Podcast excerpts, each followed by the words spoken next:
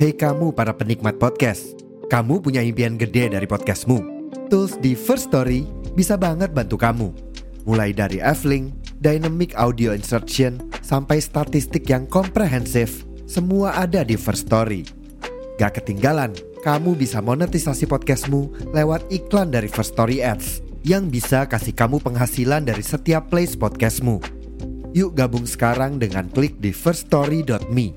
Sekali lagi, di firststory.me. Mari kita bawa mimpi podcastingmu menjadi kenyataan.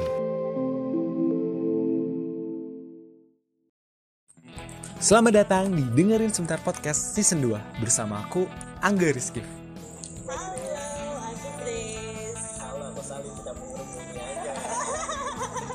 Halo, aku Yani. Ini Halo teman-teman, halo Angga. Eh, aku Karnia. Emang dekat biasanya sih eh, manggilnya galang manggilnya galang kalau nggak komo gitu Di season ini bakalan banyak obrolan yang mungkin nggak pernah kita dengerin sebentar Padahal kita bisa lebih paham loh penting eh, kita ada progresnya. Ya, yang penting walaupun kecil tapi ada progres. Nah, itu. Jadi memang, oh, jadi memang banyak yang berubah deh saat pacaran. Ya.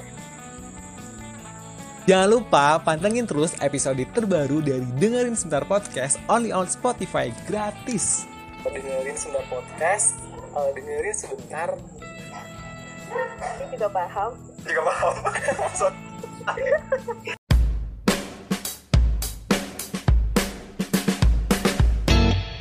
Halo, Hai, Sepada. yuhu. Selamat datang di Kosa Rasa. Kosa rasa itu tempat berbagai macam rasa. Bisa diungkapin melalui kata. Aduh, Yes, tanpa menjustifikasinya. Waduh, lebih mantap.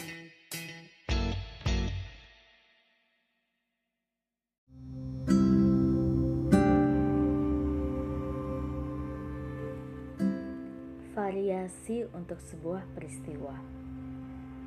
Barangkali suatu hari nanti aku pun akan terjaga kelewat dini, dan padamu, hanya padamu kusampaikan dalam bisik seorang tua, "Duh istriku, inilah saat itu." Namun pagi mesti dimulai seperti biasa, selimut mesti dilipat, tirai-tirai harus disingkap, air mesti dijerang, lampu-lampu perlu dipadamkan. Bukankah jemputan harus selalu ditunggu? Maka kemudian kita menunggu dalam style terbaik. Jasku hitam bulu kucing, kebayamu pancaran layung, rambutku sisir samping, milikmu sebisanya digelung, dan kita cintaku memang telah sepenuhnya berwarna sepia.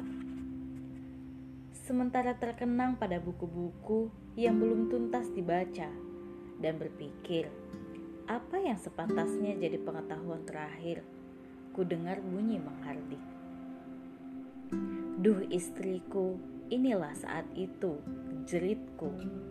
Kau pun tertawa, mengambil tanganku sebelah dan menekannya pada pipi. Tenanglah, katamu. Sekedar batuk karena angin kering dan musim yang pasti. Hari pun makin tua, subuh yang sepenuhnya undur dari Mileu. Memang sempat menenangkanku, tapi mengapa tawa tiba-tiba berhenti dan kelakar tersangkut pada batuk kembali? Kurasakan jagat mengentau, udara pekat, dan waktu pepat dalam empat menit yang hianat. Katakan istriku, mengapa harus orang tua ini memasang tanda kabung di muka rumah daripada menemu janji dalam kobar api, misalnya.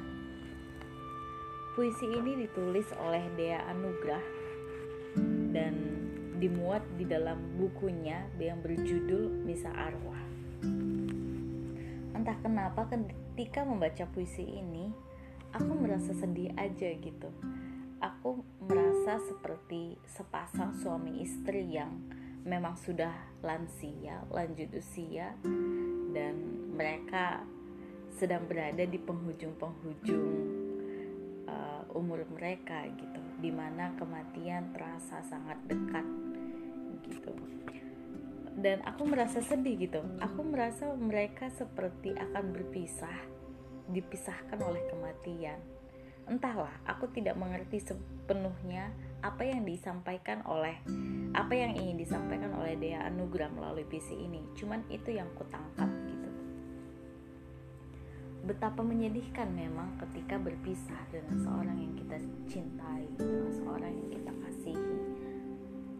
Pernah suatu waktu aku kehilangan kakak sepupuku meninggal direnggut oleh kanker payudara.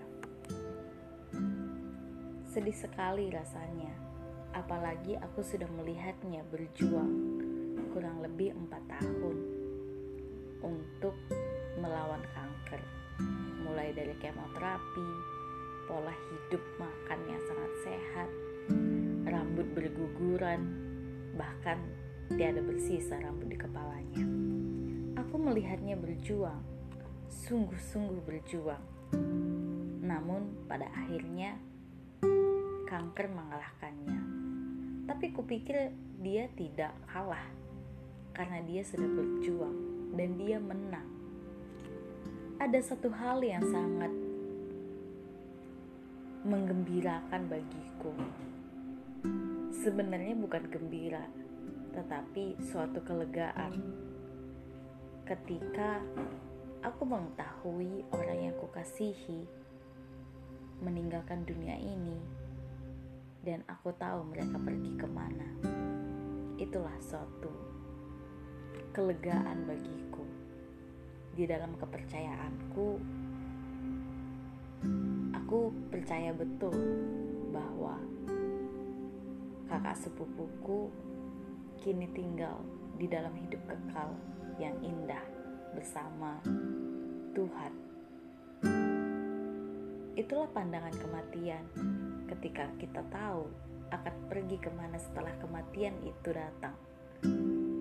Kita tahu, bahkan mungkin jika kamu adalah orang yang percaya bahwa ada hidup setelah kematian, ada kehidupan lain setelah kematian, dan engkau tahu engkau akan pergi ke mana.